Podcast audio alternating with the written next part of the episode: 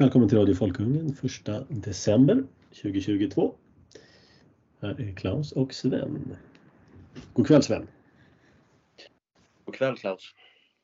December, julmånaden. Har du fått någon julkänsla uppe i Ångermanland? Ja, både ja och nej. Snön kom ju och så for den igen kan man säga. Så att eh, det är inte riktigt jul på det sättet än. Men nu, nu är det faktiskt lite julpyntat här hemma. Jag kom hem nyss. Och det ska bli vintertemperaturer här nu så långt prognosen sträcker sig. Så det finns hopp. Härligt. Har du ett praktfruntimmer som jag som pyntar i hemmet? Ja, hon eh, stoppar strumpor med och jagar och har allmänt högerextrema åsikter så det är bra på alla sätt och vis. Fantastiskt. Du är en lyckligt lottad man. Jo, det vill jag påstå att jag är. Mm. Har du någon jakt? Ja, det blir det varje. Det, Jag såg, jag såg en vi- bild på en vit hare. ja, har- det där är ju det där är ju lite det kan ju bli en två minuters utläggning här som där lyssnaren kanske kan eh, göra, dra vissa paralleller utan att man behöver vara så tydlig. Det finns två Det är, får, harar. det är så man får prata idag nu för tiden. Ja, precis. Det finns två typer av harar i Sverige. Det finns tyskharar och så finns det svenskharar. Eh, Ett annat namn på de här är fälthare och skogshare. Men låt oss hålla oss till tyskhare respektive svenskhare. Vilken är det som är tysk hare? Är det fältharen eller? Ja, Svenska större. i skogen. ja. Eller så här. Svenskharen är i södra Sverige utrotad. Eh, och det har skett eh, med genetisk krigsföring. Tyskharens gener är dominanta och det, det finns två karak- fysiska karaktäristika som skiljer de här eh, varianterna på hare åt. Och det är att tyskharen är avsevärt mycket större än svenskharen. Och tyskharen blir inte vit på vintern. Eh, och någon gång då, för mig obekant när, så har tyskharen kommit in i Sverige då. Man får väl anta i Skåne. Eh, förmodligen med hjälp av människan då. Eh, och Så en, en invasiv art har kommit in i Sverige genom Skåne Ja. kan man säga. Precis. och sen har den då spritt sig och den attackerar ju inte svenskharen eller något sånt, utan de här kan ju leva parallellt. Det är bara det att de kopulerar över eh, rasgränserna eller vad vi ska kalla det i det här fallet. Eh, och fältharens eller tyskharens gener är dominanta då. Så att i södra Sverige finns det i princip ingen svenskhare. Och jag vet inte riktigt när de börjar var i Sverige man liksom i nord-sydlig riktning når eh, områden där det är 100% svenskharar. Uppe hos oss så finns det ju inga tyskharar. Utan här är, här är det här att eh, klara kyla och, och, och framförallt då vara kamouflerad på vintern. Det, det, det är så hälsosamt så att eh, det är en konkurrensfördel som står sig. Mm. Men så är det med harar. Och jakten är mig en outsinlig eh, källa till glädje och vår unga hund eh, är, har visat sig vara skitduktig så det är eh, underbart härligt på alla sätt och vis. Kul. Det är bara att gratulera. Eh, bra. Jag tänkte vi ska prata lite grann om några ämnen som du och jag har skrivit på här under veckan. Det började med att du skrev om de här sanktionerna som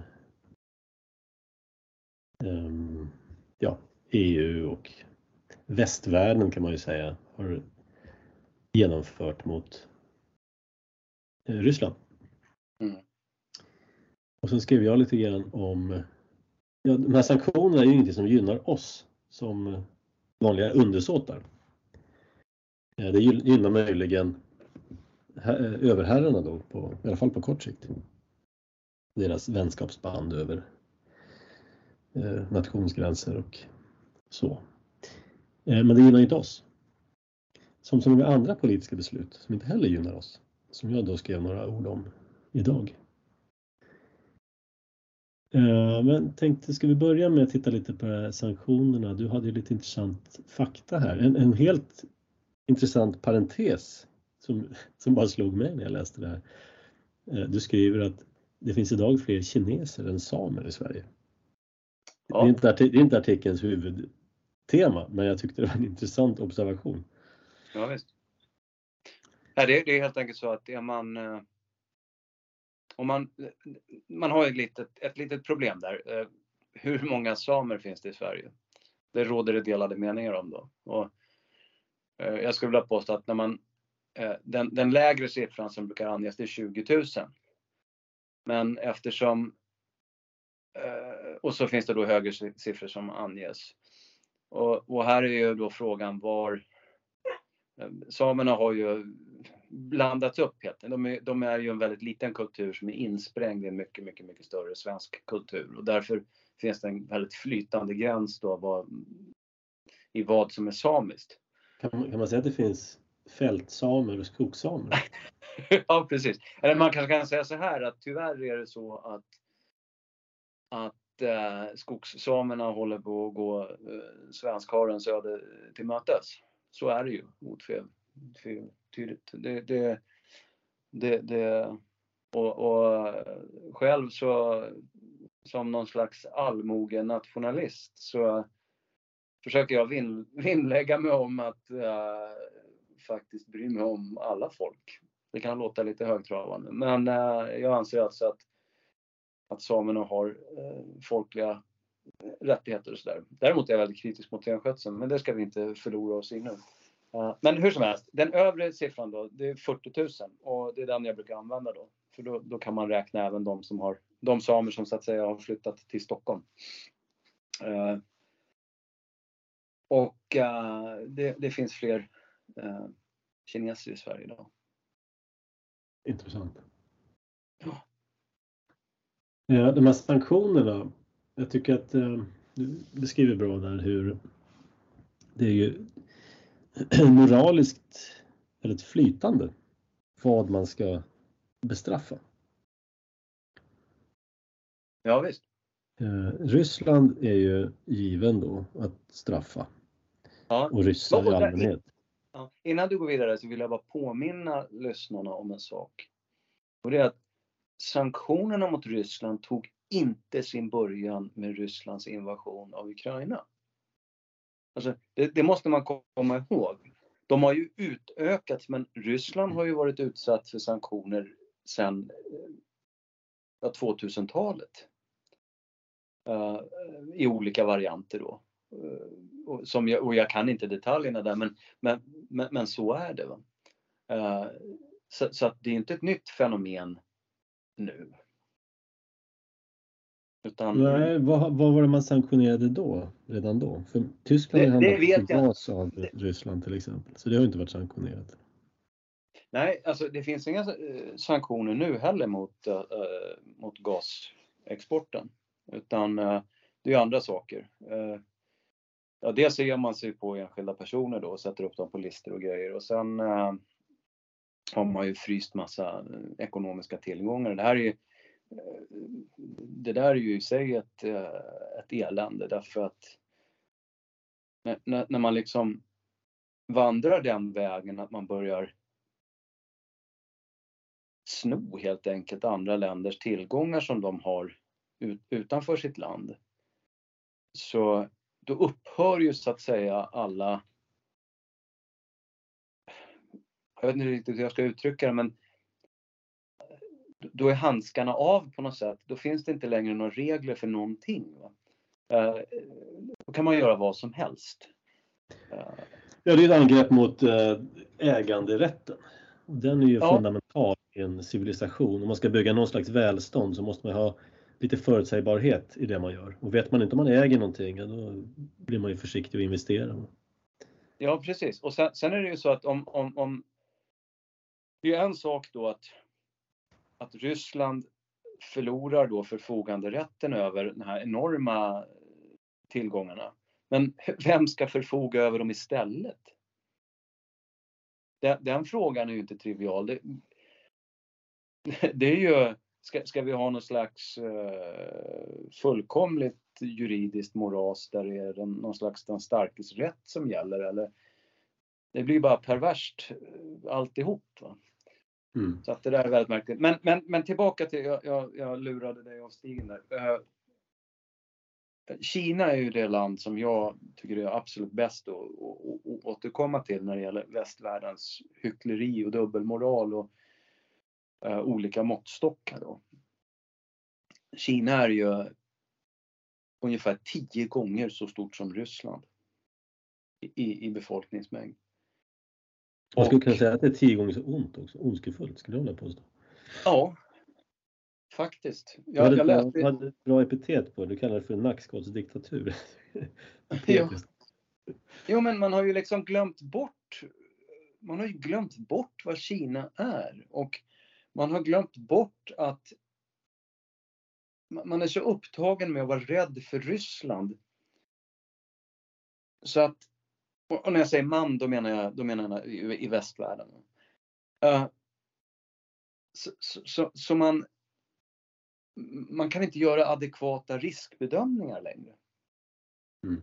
Uh, Kina har ju ett agerande som vi kan observera och vi kan också observera utfallet av Kinas expansiva Eh, utrikespolitik då, där man, där man är den nya kolonialmakten i praktiken i Afrika.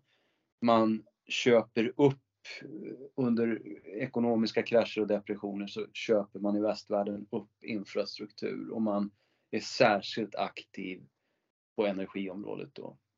Och I Sveriges fall är det via då eh, det statliga kinesiska bolaget CGN, China General Nuclear, som är insutat i en rackarns... Jag tror att deras ekonomiska investeringar i vindkraft i Sverige är 70-80 miljarder kronor.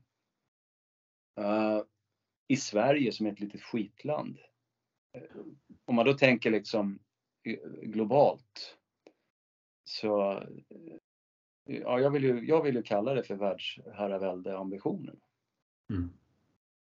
Och, och, det drivs inte längre på några, det är inte någon kommunistisk ideologi bakom det här. Alltså Sovjetunionen var ju ytterst farlig historia som hotade oss alla liksom. Det, det är, inte, det är inget tvivel om det.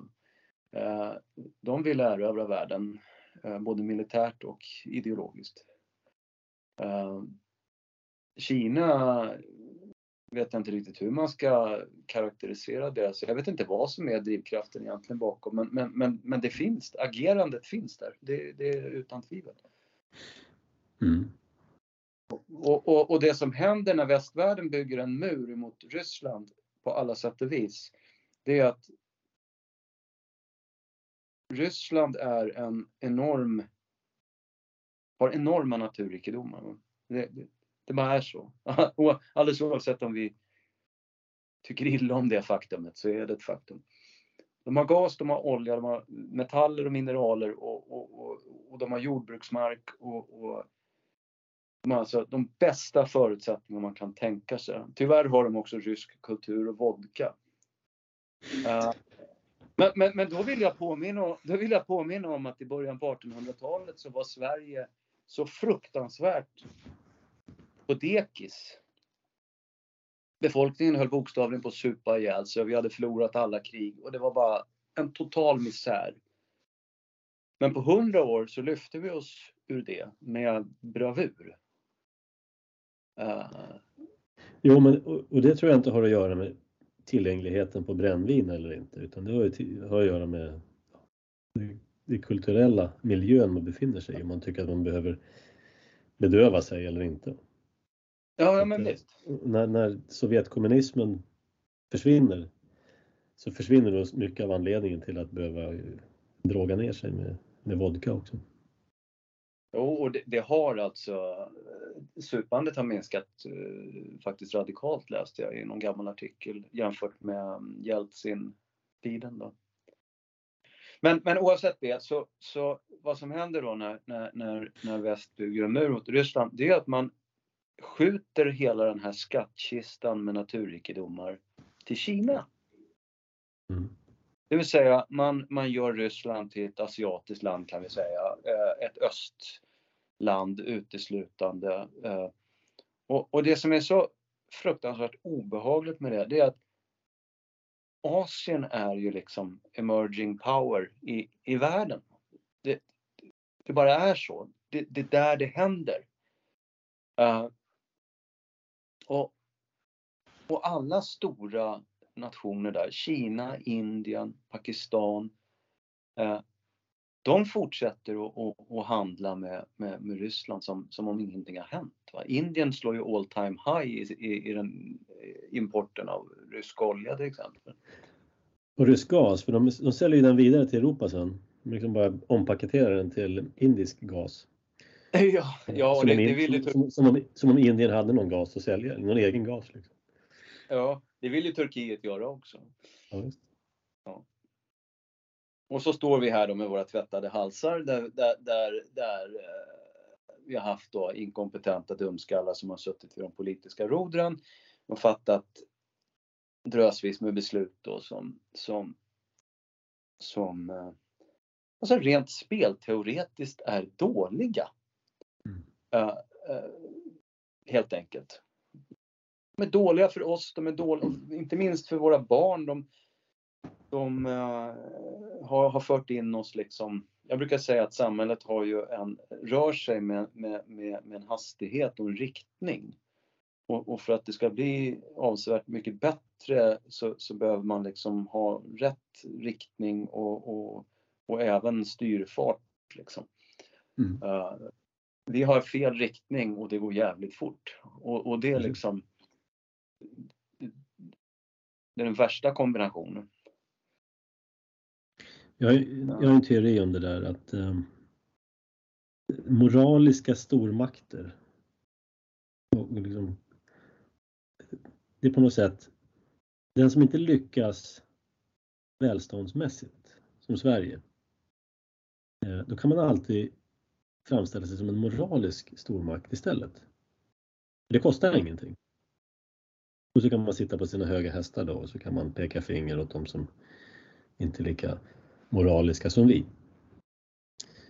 Eh, samtidigt då som de bygger välstånd och så vidare, va? som man gör i Asien.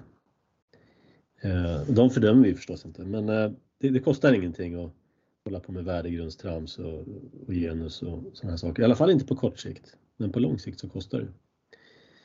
Eh, men i alla fall, om man inte klarar det ekonomiskt, då kan man bli en moralisk stormakt istället. Och det är det som vi i väst håller på med. Eh, och vi fördömer då de som vi tycker uppför sig omoraliskt. Eh, inkonsekvent.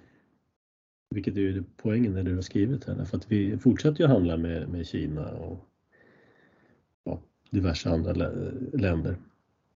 Trots deras folkmordspolitik och eh, övervakningssamhällen och koncentrationsläger, sådana saker. Men eh, än har vi valt ut att inte vilja handla med. Man, man uppskattar att kineserna har alltså satt,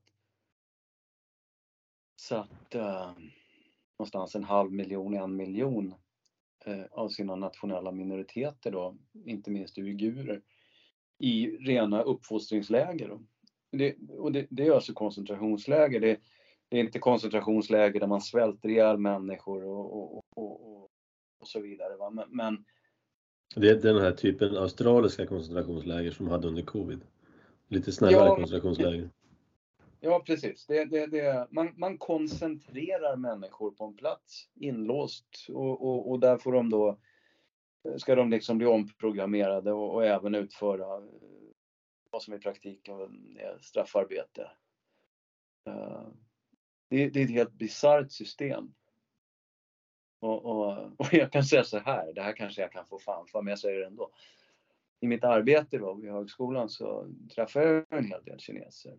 Och det är ju ett knepigt folk. Alltså, det är ett väldigt knepigt folk. Man säger indier och iranier och, och, och, och eh, även araber står mycket närmare, skulle jag vilja påstå, kulturellt eh, europeer. Eh, det kan, det kan tyckas, alltså för, för den som inte har umgåtts något speciellt med människor från de här kulturerna så kan det kanske framstå som märkligt påstående men i praktiken så är det så. Det, det, det är mycket enklare och, och för som svensk att samarbeta med, med de här andra eh, som jag nämnde, än, än, än kineserna. Inte så att det blir massa konflikter med kineserna, det är bara jävligt märkligt. Det blir en märklig kommunikation och, och uh, det är bara märkligt alltihop. Mm. Och det, det, är inte så enkelt heller att det är, ja men de är liksom uh, Ja men det är de där snedögda som är väldigt långt bort ifrån därför att det räcker att gå till Korea så är det genast mycket mer pragmatik och enklare och på något sätt. Uh, eller thailändare som är rätt avslappnade människor som det går att komma överens med. Liksom. Och då tänker jag liksom inte på bärplockare utan då tänker jag på kanske lite högre utbildade om man säger så. Mm. Uh, så att uh, Kina det är ett land som faktiskt skrämmer mig.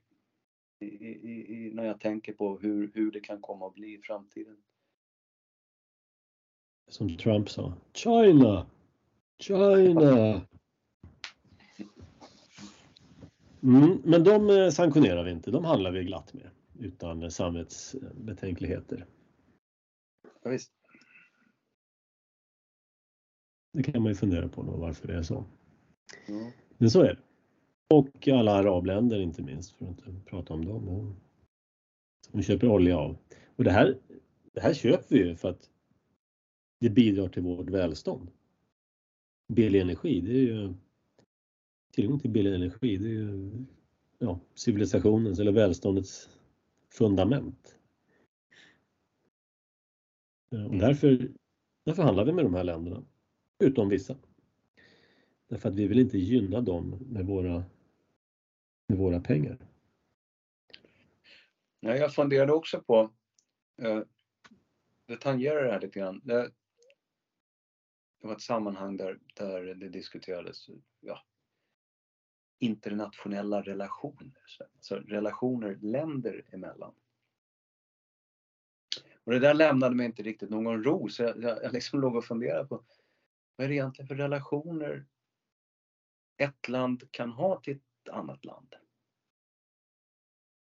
Och jag kom liksom snabbt fram till att jag kunde bara se två olika relationer. Där den ena är en ekonomisk relation här och nu. Det vill säga man har någon typ av eh, handelsutbyte och andra samarbeten som, som, har någon typ av ekonomisk karaktär. Och det, det kan ju inkludera ett, kanske även ett försvars eh, samarbete i så mått då att man kanske exporterar olika typer av militär materiel till varandra. Så. Uh, och sen den andra typen av relation uh, är att man har en historisk relation till varandra. Och då, då, då är det säkert, då kan man invända mot det där och säga, ja men det finns ju massa andra, man kan ju ha en allians och man kan vara medlemmar i samma förening, va? EU ungefär. Va? Men allt det där bygger ju på att det finns en ekonomisk relation. För, för, för, finns inte den ekonomiska relationen, då blir ju det andra blir ju, det existerar ju i praktiken då inte. Sverige har ingen relation till Fidji liksom. Det är en ö på andra sidan jordklotet. Det är helt... Det finns ingenting mellan oss. Det finns ingenting som binder oss historiskt till varandra och det finns inget ekonomiskt förhållande nu. Alltså är det helt, eh, vi vet ingenting om Fidji och Fidji vet ingenting om oss. Liksom.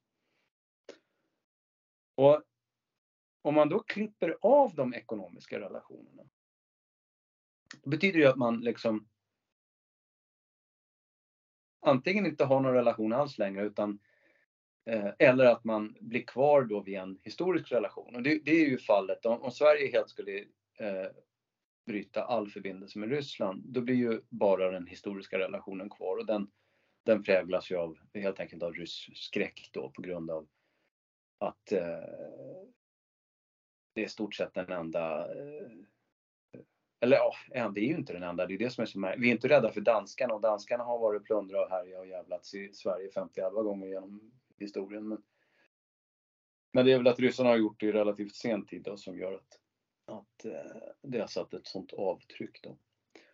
Uh, och det där tror jag är, det, det där är återigen då att, att, sanktioner, det ger sig på liksom en, en väldigt viktig relationsfråga länder emellan. Alltså det, det, visar, vill man till exempel att Iran ska utvecklas mot mer frihet för människorna i Iran så, så tror inte jag att det är bra att man försöker bryta så mycket av de ekonomiska relationerna med den fria världen som möjligt. Det, det är liksom tvärtom. Ja, så det är vanlig enkel barnpsykologi. Eh, om man straffar, försöker straffa ledarna i ett land genom att frysa ut dem så tenderar ju folket att se det som att de straffas och sluter ofta istället upp bakom sin ledare. Ja. Ja, så att det, ja, enkel psykologi helt enkelt. Internationella relationer är ett ämne som jag inte är jättebevandrad i, men jag vet att det, man har en... Man utgår från att man ser länder som, som klossar egentligen. Och så kan man dra streck mellan dem. Man bryr sig inte så mycket om vad som är försiggår i länderna utan man tittar på, handlar man, ja, har man diplomatiska relationer, pratar man vänligt med varandra, hatar man varandra, krigar man med varandra. Och så försöker man då analysera världen utifrån en sån förenklad modell. Då. Jag vet inte hur mycket den kan ge men i alla fall en akademisk disciplin. Um, mm. Har vi något exempel i historien där sanktioner faktiskt har fått avsedd effekt? Jag kan inte komma på något. Alltså, eh, tanken är ju att eh, Antingen ska folket bli så upprörda över sina nya, sina försämrade material, materiella förhållanden så att de eh, hugger huvudet av, av de där onda ledarna och så blir det demokrati och fluffigt och fint. Eller så ska sanktionerna på något märkligt sätt stämma till eftertanke och, och, och, och hos de här ledarna och sen så sätter de igång ett förändringsarbete. Och det där är ju... Det, det, det är Galli Mattias helt enkelt. det, det, det, det, är så, det, är så, det är så dumt bara. Eh, alltihop så att eh, fullständigt, fullständigt huvudlöst. Ja. Och som jag skrev i den här texten då, det, det är liksom, man måste ju förstå att, ja, för att göra då en övergång då till din text, man måste ju förstå att, att, bara för att man får det sämre då i exempelvis Ryssland, det ryska folket får det sämre, så betyder ju inte det att vi får falukorv på bordet. Nej. Nej. Det är eh, den första ekonomiska insikten att eh, båda parter vinner på att handla med varandra och omvänt så förlorar båda parter på att inte handla med varandra. Så vi blir fattigare. Bevisligen, det är bara att titta på din eh, elräkning så ser du ju att det, bortsett från att våra politiker klantat bort vår energiförsörjning så blev det inte bättre av att vi importerar ännu mindre energi till EU-området. Igår var för övrigt elpriset eh, en bra bit över 4 kronor kilowattimmen i hela landet. Till och med uppe hos er alltså? Vilket område? Är det område två eller?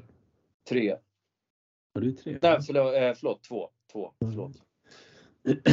Jag är i Svarte Petter-området fyra så att... Eh, ja, mm, så du och jag hade samma elpris igår. Ja, det är konstigt att det gått så långt upp nu hos er också. Mm.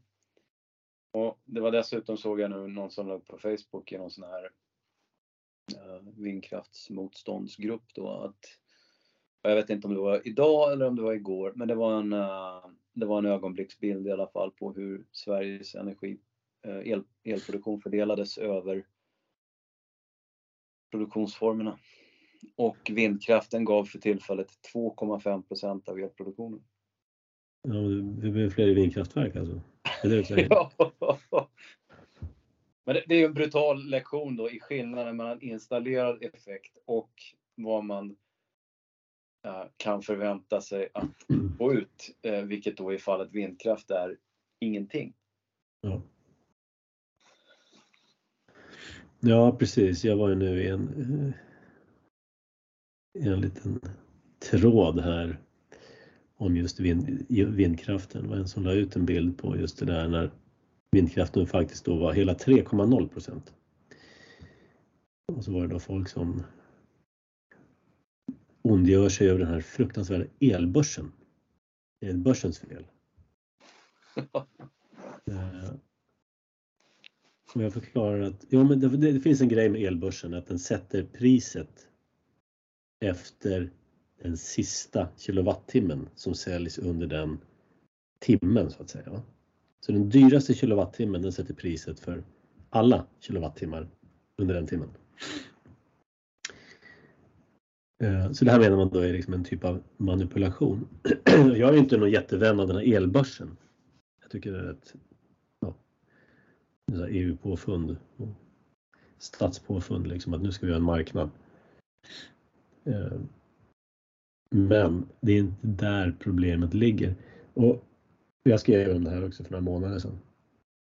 Men det är det här argumentet, ja men vi exporterar ju el, alltså ett överskott. Mm.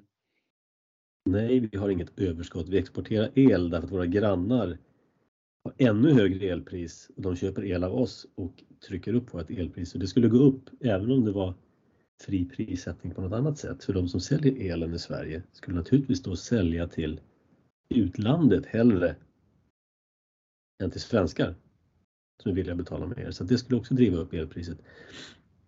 Och export betyder inte att vi har ett överskott. Ekonomiskt talat så finns det inget överskott eller underskott. Det finns ingen brist på el och inget överskott på el. Eftersom alla får, alla som är villiga att betala det höga priset får el. Om det kostar 1000 spänn per kilowattimme. Alla som betalar 1000 spänn, de får sin el.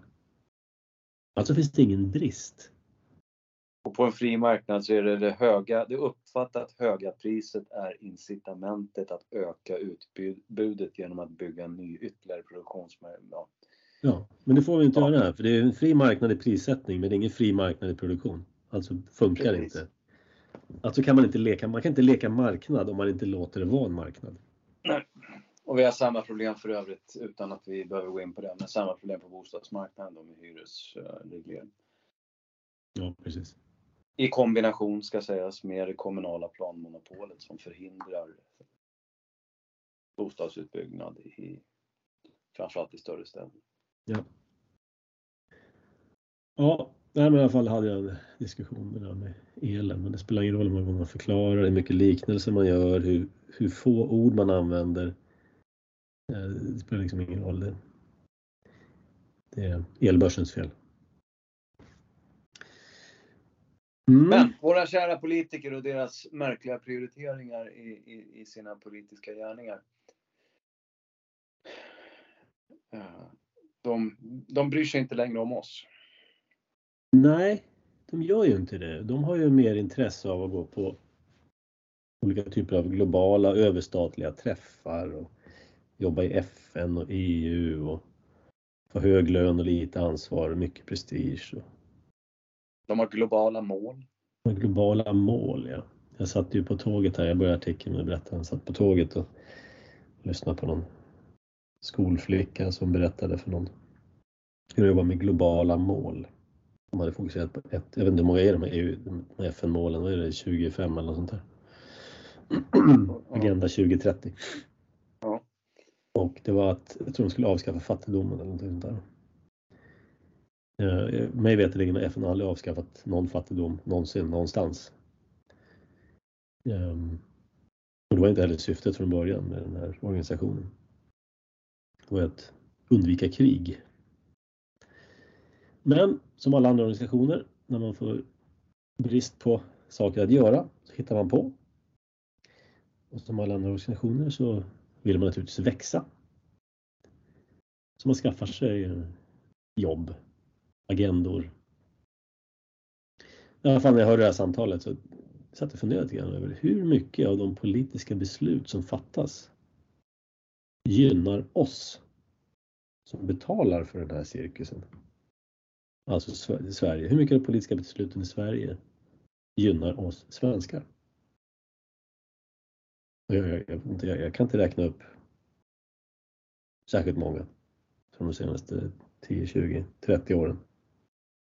Och det blir värre och värre på sista tiden. Det är mer sådana här globala mål, det är klimatet och det är rasismen och det är eh, fattigdom. Nej, men det, det, är på alla nivåer. Va? Det, det, det, börjar, det är liksom på kommunal nivå och regional nivå också.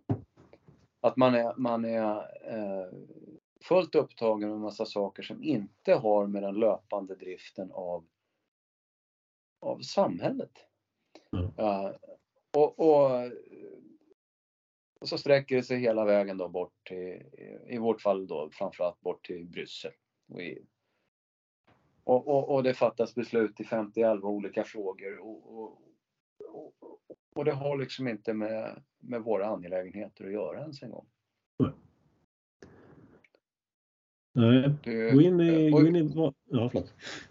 Ja, nej men, och ju längre bort ifrån uh, uh, alltså ju längre bort ifrån oss som besluten fattas, desto mindre, uh, förstå, desto mindre förståelse för våra livsvillkor finns det hos de som fattar dessa beslut. Och ju mindre bryr sig dessa beslutsfattare om utfallet av sina beslut. Ja, det är inte bara att de inte förstår, de är inte ens intresserade. Det är det som är Nej, de har en annan agenda. De är likgiltiga och de, de, de, de riskerar ingenting. Va? De, de, de, de riskerar definitivt inte att bli av med huvudet. De riskerar inte heller eh, eh, de repressalier som kan följa av en social kontroll. Och, och, i det lilla sammanhanget, i en väldigt liten kommun till exempel, då finns det en social kontroll. Du kan inte vara ett jävla skithål helt enkelt på ren svenska i en kommun, vara politiker i en kommun med 2000 invånare och, och, och fatta massa beslut som är illojala mer eller mindre mot eh, kommunens invånare. Då kommer du få fan för det. Du kan inte gå på liksom en en, du kan inte gå på ICA och handla, du kan inte gå på Systembolaget, du kan inte göra någonting utan att få onda ögat.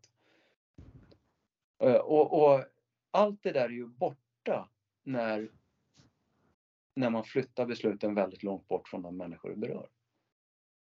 Jag brukar kalla det för brevlådeprincipen. Och den, den lyder så här. Jag vet var din brevlåda bor. och eh, när beslut fattas på nära håll, då vet man var deras brevlåda bor, de som har fattat det här beslutet. Då kan man göra i värsta fall hembesök om det behövs. Och I slutändan är det det enda som håller härskarna i schack. Ja. Det, det, är rädd för straff och smärta. Det är ett liksom universalspråk. Men den, den kontrollmekanismen försvinner när det blir för stort.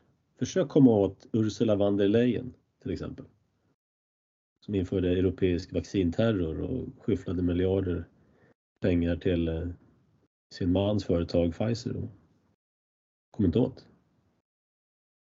Och livvakter, de eh, bor långt bort och så vidare. Så um, ju mer det här ju mer besluten flyttas till högre instanser, desto mer självbestämmande och därmed frihet förlorar vi. Frihet är självbestämmande. Det, det, är rätt så märkligt det här med, med, med eh, för det har vi ju varit inne på tidigare att eh, det finns klart och tydligt en inneboende konflikt mellan demokrati och frihet. Därför att inom ramen för demokrati så medges att 51% beslutar att mer eller mindre förtrycka 49 Och med det i åtanke så när jag ser tillbaka på mitt min, min skolgång. Såväl på högstadiet som på gymnasiet. Så har inte jag någon minne av att man har diskuterat i termer av frihet överhuvudtaget på en enda samhällskunskapslektion eller motsvarande. Ja, man har ju naturligtvis rapat eh, begreppen fri och rättigheter. Men friheterna har ju aldrig samlats under ett så att säga paraplykoncept som vi kan kalla frihet. Utan eh, snarare har de varit något mer teknokratiskt, eh, väldigt osexigt, eh, liksom ja. mm. Ja, du förstår vad jag menar. Det, det, det.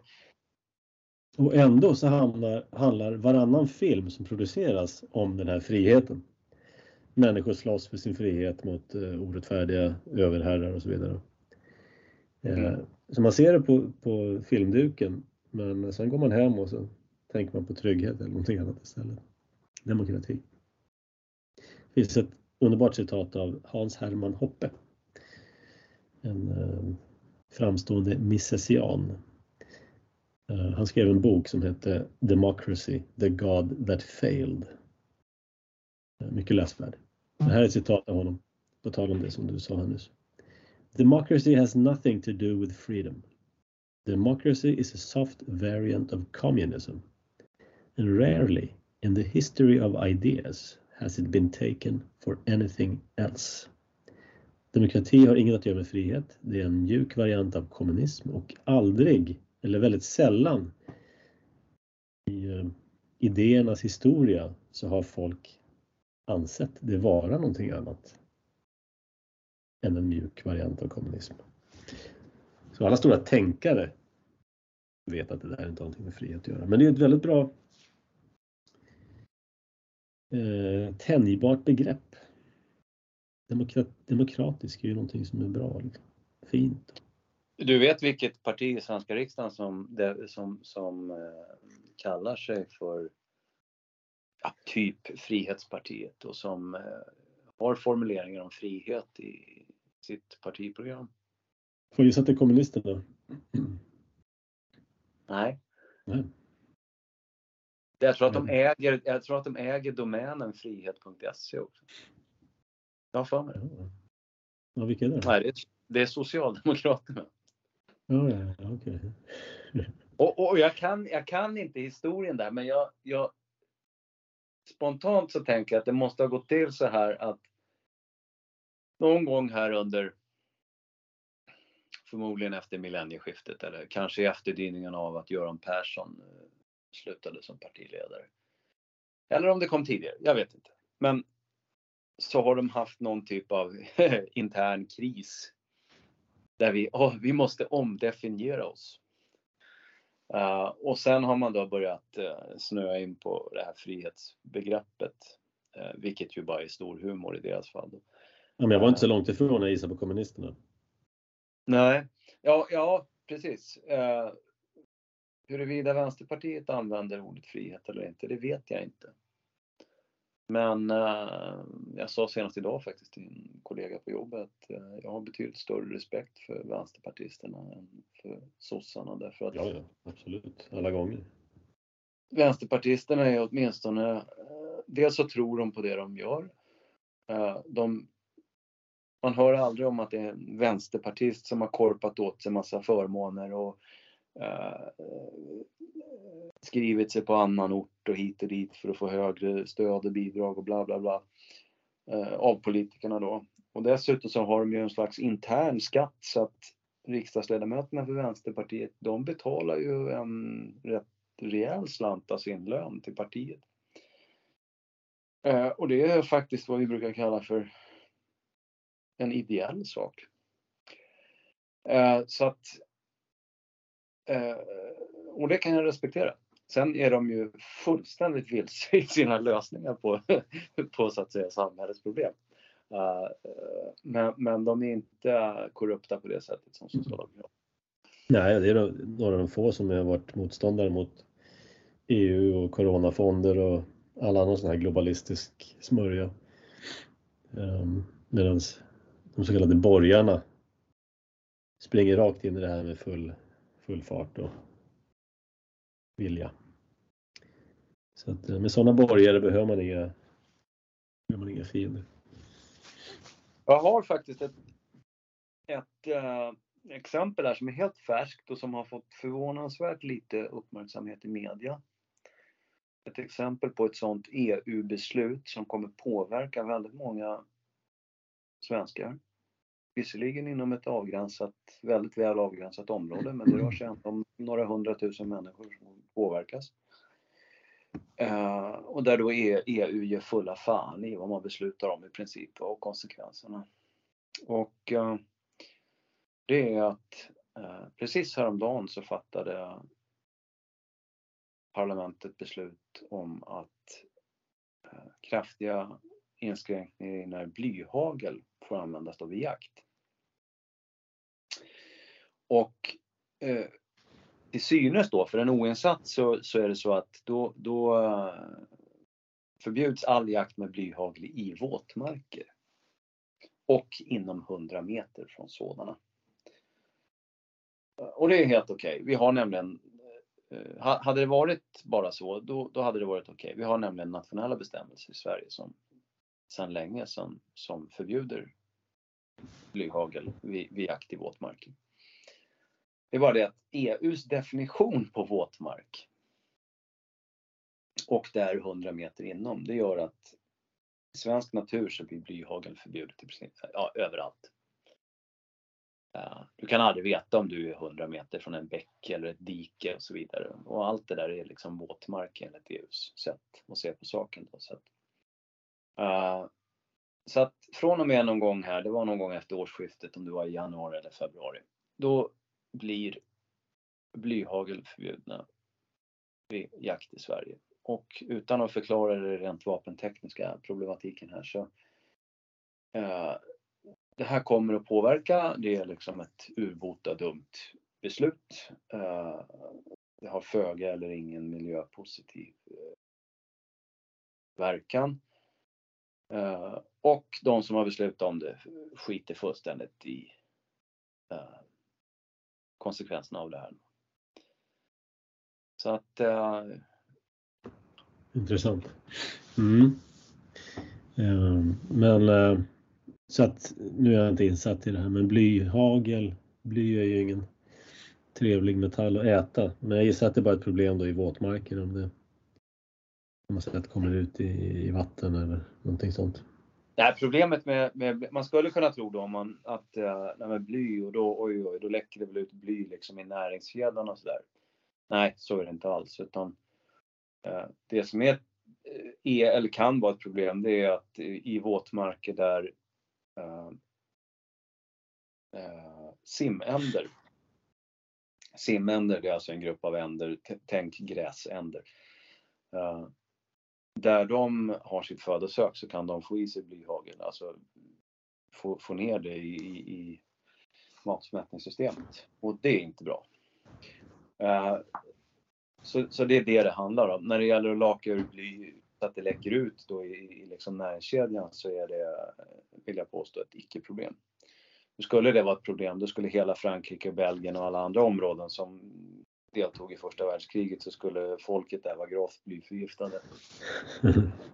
och, det, och det är de inte. Det finns ju en lång lista på teorier om varför romarriket gick under. Som jag har sett, över ja, 200 men... anledningar. Och en av dem är att de hade blyrör. Så alla, alla romare blev folkförgiftade och därmed så... Ja. De blev jag, tror, jag, tror, jag tror inte på den.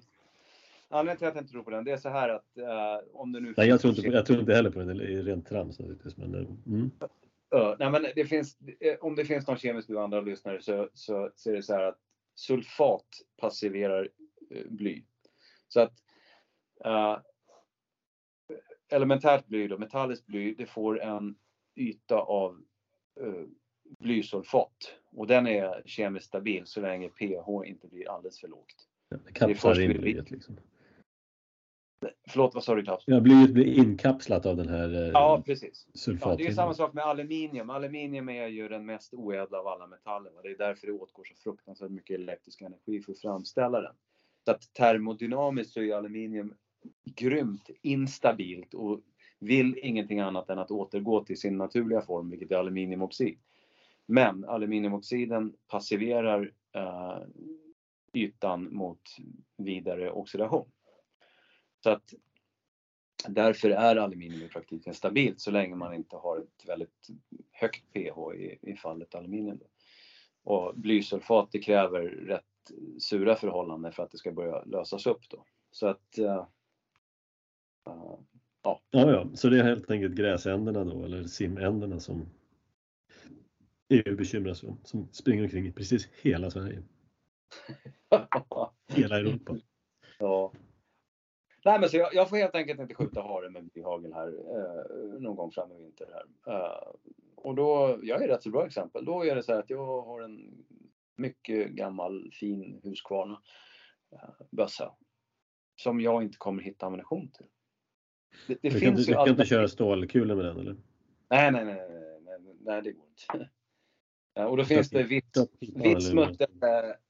Ja, det finns andra alternativ då som jag skulle kunna använda, men jag kommer inte hitta det i den kalibern och, som jag har. Då. Utan det kommer, jag kommer helt enkelt bli tvungen att skaffa mig en annan bössa. Ja, så kan det gå. Mm. När man ska vara med i EU. Men eh, jag är optimistisk. Jag tror att det där kommer, den här kolossen kommer falla ganska snart. Alltså med snart menar jag inte ett halvår, men inom överskådlig tid i alla fall. Och den här Rysslands historien kommer att bidra till det. Ja, det är ju eh, det är stora omvälvningar som pågår i världen, så är det. Och att, att, att saker och ting bara skulle bli någon slags status quo i, i, i EU, det är ju naivt att tro. Nej, men den här, hela den här accelererande nedgången av Europa, Västeuropa, det har ju mycket i sin, sin förklaring i just EU också. Och de har, visar ju inga tecken på att liksom sakta ner tempot så att eh, jag är optimistisk. Ja, och det, det, det bästa hade väl varit om man låter det kollapsa i allt utom sin eh, frihandel. Ja. Det vill säga, det vill säga man, man, man behåller den i princip och sen eh... Ja, och EU är ju ändå ingen frihandelsunion på det sättet. Med tanke på alla de regler de ställer upp för att frihandel ska gälla. Och dessutom så gäller ju inte frihandel mot omvärlden från EU. Nej, precis. Alltså baksidan av det där frihandelsmyntet. Ja, det avslöjar ju att frihandel inte är syftet med den här unionen. Annars hade man ju naturligtvis låtit alla utanför handla fritt också. Ja. Om, det, om avsikten var att gynna medborgarna här, men det är det bevisligen inte som är tänkt. Så, och snuspriset och snusskatt och hej och hå EU. Så att eh, det är bra att folk kan uppröras över någonting i alla fall. Men det är lite otaktiskt att gå in på sådana grejer som vanligt folk fattar. Det är bättre att eh, ja. köra sådana här saker som... Ja, där måste jag få ur mig en sak. När man, när man... Hur, eh, för att om man nu umgås med de här närmast misantropa tankarna då kring, kring eh, makthavarnas eh,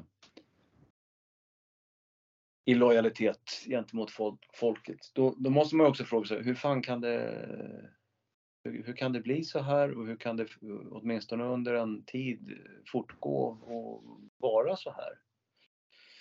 Hur kan till exempel eh, det här klimat eh, klimatfablerna får sånt fruktansvärt utrymme. Uh, hur, hur, kan man lura i en hel befolkning att uh, om 10 år, om 15 år, om 20 år så ska vi vara uh, elektrifierade? alltså allting... uttrycket retar mig till vansinne. Som att vi inte är elektrifierade. Alltså, ja, jag ska inte haka upp mig på det. Ja, ja. Nej, men hur, hur, hur kan man liksom slå de här hur, hur kan folk gå på det här? Mm. Och då tror jag att det finns ett rätt enkelt svar på det.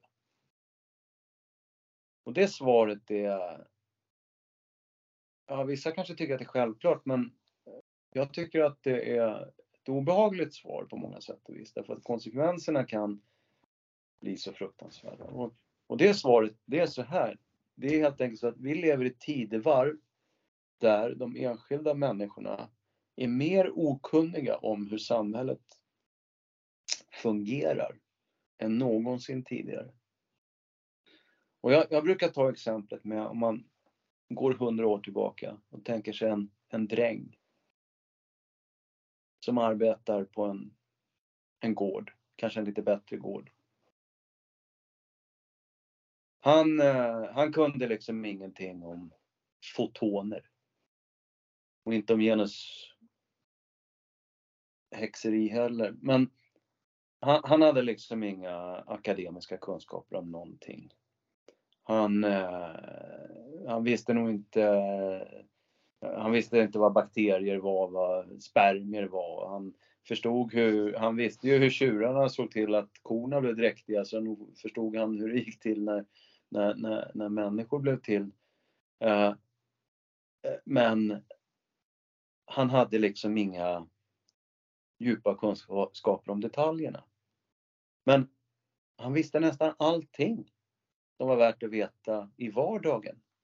Han visste vilket verktyg han skulle ha till vilken uppgift. Han, han visste till och med hur han skulle tillverka själv vissa verktyg. Och, och han arbetade med händer och med huvud hela tiden. Eh, och hade koll på transporter, på, på livsmedelsproduktion, liksom på rubbet egentligen av allt som var värt att veta i vardagen. Jag tror att han hade rätt bra koll på de beslut som fattades och hur mycket som fattades på, på, lokal nivå. Det som var nationellt, det var oftast även, mer ofta än idag, i, i nationens intresse om man får använda det uttrycket. Ja. Det var begripligt, för det var närmare. Ja, precis. Det var närmare och han, han, han hade i alla fall inte sämre koll än vad en lattesurplande eh, hen på Södermalm har då som är en av 900 000 invånare i kommunen. Mm. För han levde i en kommun som kanske hade 700-800 invånare. Så att, men, men i alla fall, om man då jämför med, med hans moderna motsvarighet då, som kanske är en eh, hamburgsflippande eh, 23-åring på, på Max. Så, så den personen kan inte ett skit kan ingenting om elektricitet trots att allting kräver el idag. Vet inte hur el produceras, vet inte vad el är, vet ingenting annat. Kan stoppa en kontakt i ett uttag. Men inte mycket mer än så.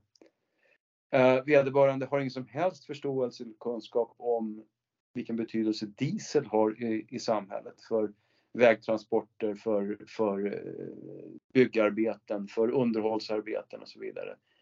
Så här, idag så är den genomsnittliga individen är otroligt okunnig om praktiska spörsmål i samhället. Vad är det liksom som ger, vad är det som gör att det fungerar? Vad är det som ger vårt välstånd? Eh, det är liksom inte att koda appar utan i, i botten på det här så finns det väldigt praktiska, jordnära uh, uh, saker som är helt avgörande för att vi ska ha ett gott liv. Ja, men drängen fattar ju att ju större skörden blir, desto större blir välståndet.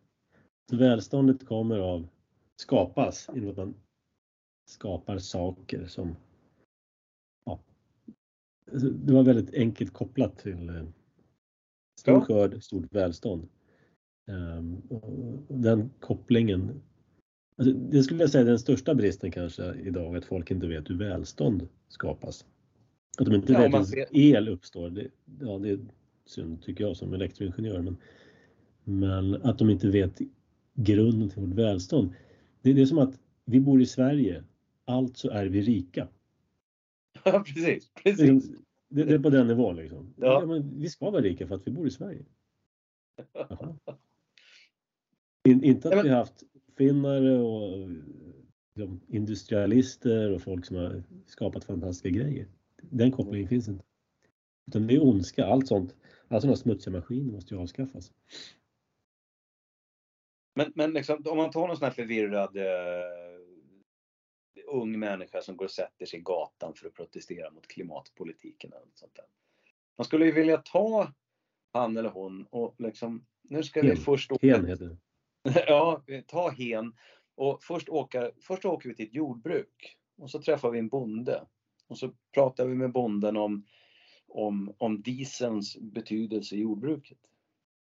Och sen därefter så åker vi vidare och träffar en grävmaskinist. Och så, så tar vi ett snack med den personen.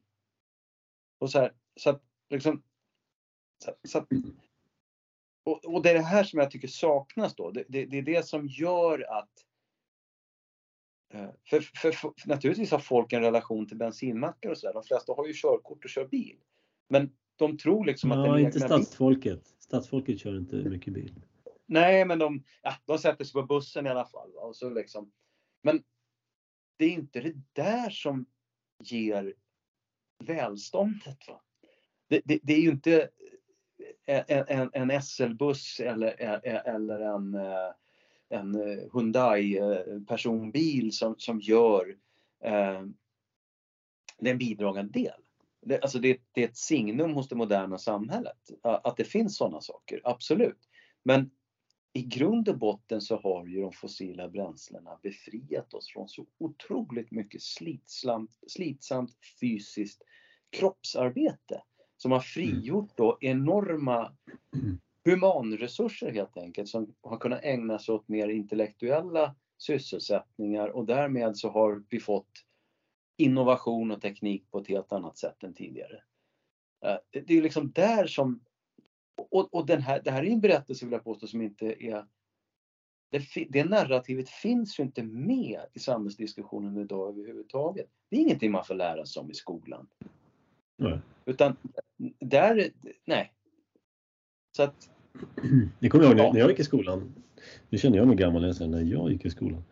Då fick vi se filmer på fabriker, så här stånkande maskiner och grejer som spottar ut och grejer. Va? Eh, sågverk och grejer. Så att vi fick i alla fall lite hum om var det här kommer ifrån. Men eh, nu är det ju tjänsteekonomin. Och då är det lite svårare att se hur det hänger ihop. Eh, mm. Så är det med den saken. Ska vi avsluta med en positiv grej ändå? Det tycker jag. Ja, jag, ska, jag måste bara ta fram fusklappen här. Jag, jag, kan dra en komisk grej så länge. Jag såg en tråd här som jag var inne och trollade lite i. SSAB kör ju hårt nu på sociala medier om sitt det här fossilfria stålet. Man ska, vanligtvis brukar man reducera järn med eh, koks, det vill säga du kokar järn med kol för att kolet ska suga åt sig syret i järnet eh, och bli segare. Vanligt, om du bara smälter järn så är det väldigt sprött. Men om du får bort syre ur det så kan du göra det till stål, då blir det hårdare. Och eh, det gör man naturligtvis då med, eller det gör man med, med kol. Och eh, då spottar det ur sig koldioxid då, när kolet binder sig till syret och ångar iväg. Men nu ska man då göra det här gröna stålet.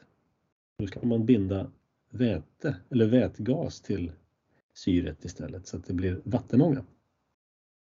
Det låter jättefint då, då blir det inget, det blir inget koldioxid. Problemet är att det här är svindyrt. Det här är en svindyr process. Eh, men de eh, tror ändå att de ska kunna tjäna pengar på det här därför att ja, på grund av värdegrund eller någonting sånt. Och då är den här tråden då så ifrågasätter ju folk det här visdomen i det här projektet. Då har de en Johan Andersson på SSAB. Det, inte, det är någon grej de kör, de här kommunikatörerna, att man avslutar med sitt namn. Vad heter han polisen som brukar köra? Eh, ja, vet jag, Jimmy Södertörn, något sånt där. Det ska vara folkligt. Mm den här Johan Andersson då tycker att, ja, men att eliminera, han kan inte ens stava, att eliminera 10% av Sveriges koldioxidutsläpp är, den största brom, är väl den största bromsen av den globala uppvärmningen någon enskild aktör kan göra i Sverige. Snedstreck Johan Andersson, SSAB. Och så skriver jag någonting och så säger han, ja hej Klaus, jag förklarar gärna mer om fossilfritt stål. Däremot tänker jag inte bevisa att koldioxiden skapar den globala uppvärmningen. Det har andra redan gjort. Och så är det en Peter Hjort här. Som lägger fram lite vetenskapliga resonemang här. Han pratar om koldioxidkoncentration, koldioxid, koldioxidens molvikt och massor med vetenskapliga termer här. Hälsningar Peter, teknisk fysik, Chalmers. Varpå den här Johan Andersson eh, svarar Hej Peter! Om du förnekar sambandet mellan människans koldioxidutsläpp och global uppvärmning, eller uppvärmningseffekt, då finns det säkert Platta jorden-forum att fortsätta på. Johan Andersson, SSA. alltså svarar jag så här. Komiskt att kommunikatören Johan på SSAB besvarar vetenskapliga argument från en teknisk fysiker från Chalmers att han borde gå med i Platta jorden-forum. Man får önska SSAB lycka till och hoppas de undviker det ack så vanliga ödet Get woke, go broke. Jag är skeptisk. Jag är skeptisk och skulle härmed sätta säljrekommendation för SSAB-aktien. Med vänliga hälsningar. Tidigare finansanalytiker för SSAB.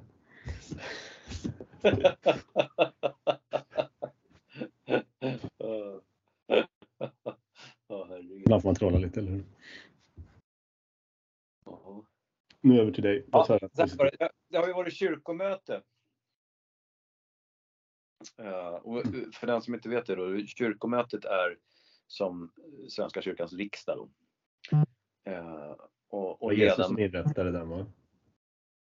Vad sa du Klaus? Det var Jesus som inrättade den där riksdagen, eller hur? Ja, jo, och det, här, det här kommer direkt ifrån högsta ord. Ja. Uh, ja, och ledamöterna då i kyrkomötet, de är ju direktvalda, det vill säga det, det, de, är, de väljs i kyrkovalet av oss som då är medlemmar i Svenska kyrkan. Är du medlem i Svenska kyrkan? Nej, jag är faktiskt inte det. Däremot är jag ju inte ingen, jag skulle inte önska någonting mer än att Svenska kyrkan återigen blev en kristen inrättning. Och jag, jag tycker det är viktigt att vårda det arvet.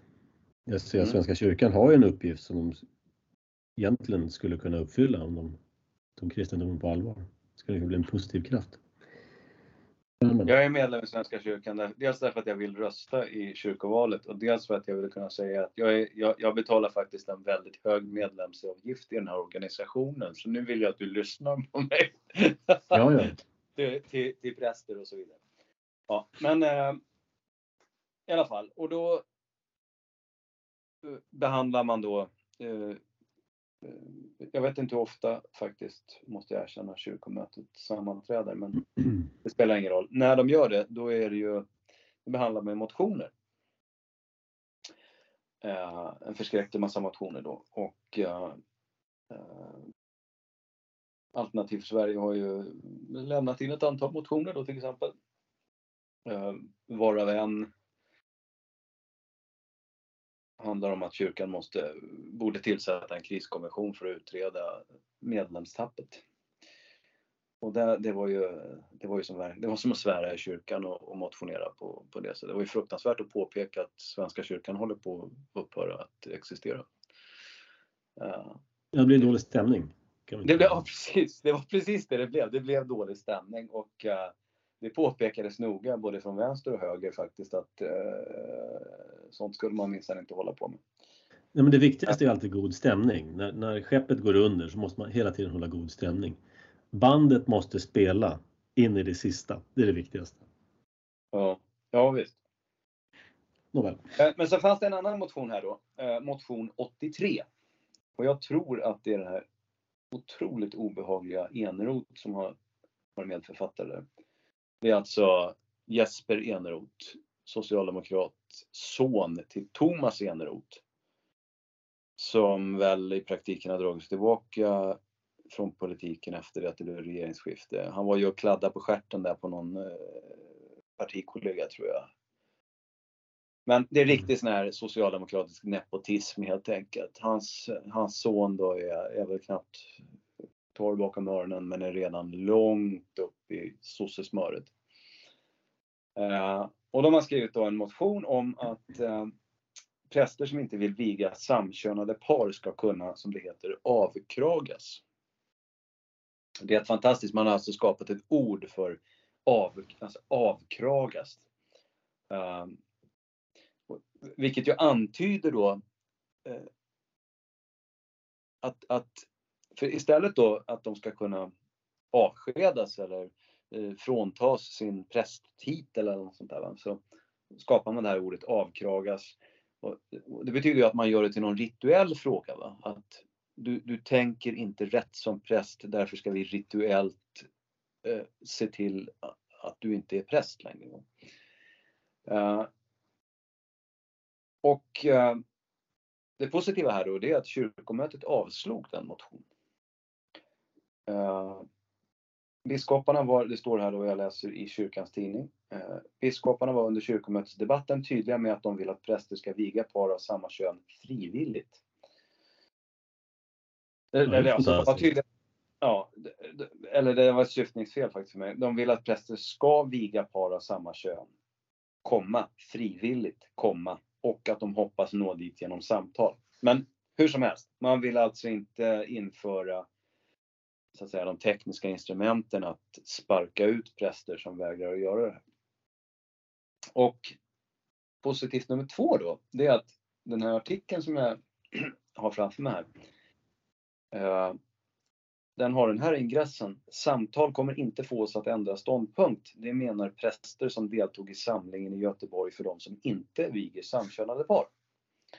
Och då är det någonting som heter OAS-rörelsen. Och då står det att enligt OAS-rörelsen deltog ett 60-tal personer i den prästdag i Göteborg som arrangerats på torsdagen. Det vill säga, det finns alltså någon typ av nätverk då eh, för präster som anser att vigsel är en fråga om att viga eh, eh, man och kvinna då i ett äktenskap. Ja, just det. Det finns präster som vill följa Bibeln alltså? Ja, men visst. Eh, och, och, som, och som vågar också organisera sig. Och det verkar vara synnerligen lågmälda och eftertänksamma människor. Det är i alla fall den bilden man får i den här artikeln. Alltså, det är inte alls det här eh, det, det, verkar i alla fall inte gå att utmåla de här människorna som någon slags eh, gapiga eh, predikanter liksom som, som lite Åkergren äh, spåret som, om, om, för de som kommer ihåg Åkergren. Just det. Och, och, och det, jag trodde inte ens att det existerade. Jag, jag trodde att man hade liksom städat redan i, i, i Svenska kyrkan och gjort sig av med alla sådana här präster. Och jag, jag, det, jag, det jag tänkte när jag läste det här, det, de borde göra sina namn kända. Därför att jag tror att det finns människor som till sina till, till giftermål, till begravningar, till dop efterfrågar präster som har den här uppfattningen. Mm. Just det. Jag hade ju en, eh, jag blev faktiskt ombedd att göra en liten, eh, vad ska man säga, ett litet föredrag för ditt parti. Eh, Stockholmsgruppen där inför kyrkovalet. Och berätta mm. lite grann om, om vad kristendom faktiskt är och det var många som var både förvånade och positivt överraskade. Och blev, det ledde till att jag sen gjorde en, en bibelkurs i tio delar som ligger på nätet faktiskt. På Youtube. Um, ja, jag, jag deltog i så många hade möjlighet att vara med där. Och det var det. synnerligen bra faktiskt. Gud, frihet och antiglobalism heter den om man vill söka på Youtube. Mm. Eh, nej men det, det är kul. Det är ändå, ska vi bygga upp det samhälle vi hade en gång som så många vill av oss, vår enda, vår kant, eh, då måste vi naturligtvis återgå till de fundament som det samhället var byggt på. Använder man andra fundament, då får man en annan byggnad. Så det är en eh, oerhört viktig fråga. Nej, men jag, jag anser ju, för, för, jag är ju inte, jag är inte religiös i den, ja, i den troende eh, aspekten. Jag är absolut inte ateist. Eh, jag är väl närmast eh, agnostiker, får jag skämmas och säga. Men jag tror att men, samtidigt så anser jag att det finns massa, alltså livet är fullt av sammanhang som kräver ritualer. Och kristendomen har tjänat oss väl i 2000 år. Jag ser ingen anledning att ja, för svenskt vidkommande får vi säga tusen år då, men, men eh, jag ser ingen anledning att ändra på det konceptet om man säger så. Och jag är inte sådär högmodig att jag tror att man bara kan spola ut de här existentiella frågorna eh, helt plötsligt för att vi skulle ha nått någon typ av ny evolutionär nivå här i utvecklingen. Utan det här är ju, det här är ju eviga eh, och tidsoberoende frågeställningar om livet och döden och barndom och uppväxt och sedermera eh, att bli gammal och gå på retur och, och bli svag och till slut dö. Eh, Nej, det är eviga frågor. Det finns, det finns ingen app för det helt enkelt. Det bara... Nej, precis. Och, och, och, och där tror jag, alltså jag, jag upplever, och rätt starkt, att när, när man liksom gjorde sig av med kristendomen så gjorde man ju sig av med de existentiella frågorna helt och hållet. Mm. Det, det råder ju total förvirring idag. idag alltså. Mm. Människor, äh, människor, eftersom förstföderskeåldern är rätt så hög nu va, så, så äh, folk är barn fortfarande ofta eller ungdomar när, när deras mor och farföräldrar går ur tiden. Så då är de inte riktigt med i matchen. De, man, man, är, man är ju rätt så anpasslig i den åldern liksom. Sen så, sen så möter man inte död, döden igen då förrän, förrän ens egna föräldrar blir gamla och dör och då är man själv kanske 50. Va? Mm. Och då kommer det någon slags livskris då. Eh, med anledning av det här. Medan förr i tiden var det på ett helt annat sätt. Då. Och det finns liksom ingen kyrka som kan fånga upp det här och det finns ingenting annat heller. Och det är bara ett, eh, det bara en stor förvirring liksom och massa ångest och lyckopiller och, och, och, och självmedicerande via alkohol och, och Ja, ja pseudoreligioner som eh, dysforier av olika slag och ångestar av olika slag, klimat och kön och sådana här saker som man då ska fylla sig med. Ja, visst. Det är guldkalvar överallt. Ja, exakt. Precis så. Ja, det var väl en positiv avslutning. Ja. Mer traditionella värden fram i kyrkan igen, tack. Ja. Därmed tackar vi för oss idag och hörs snart igen. Tack Klaus.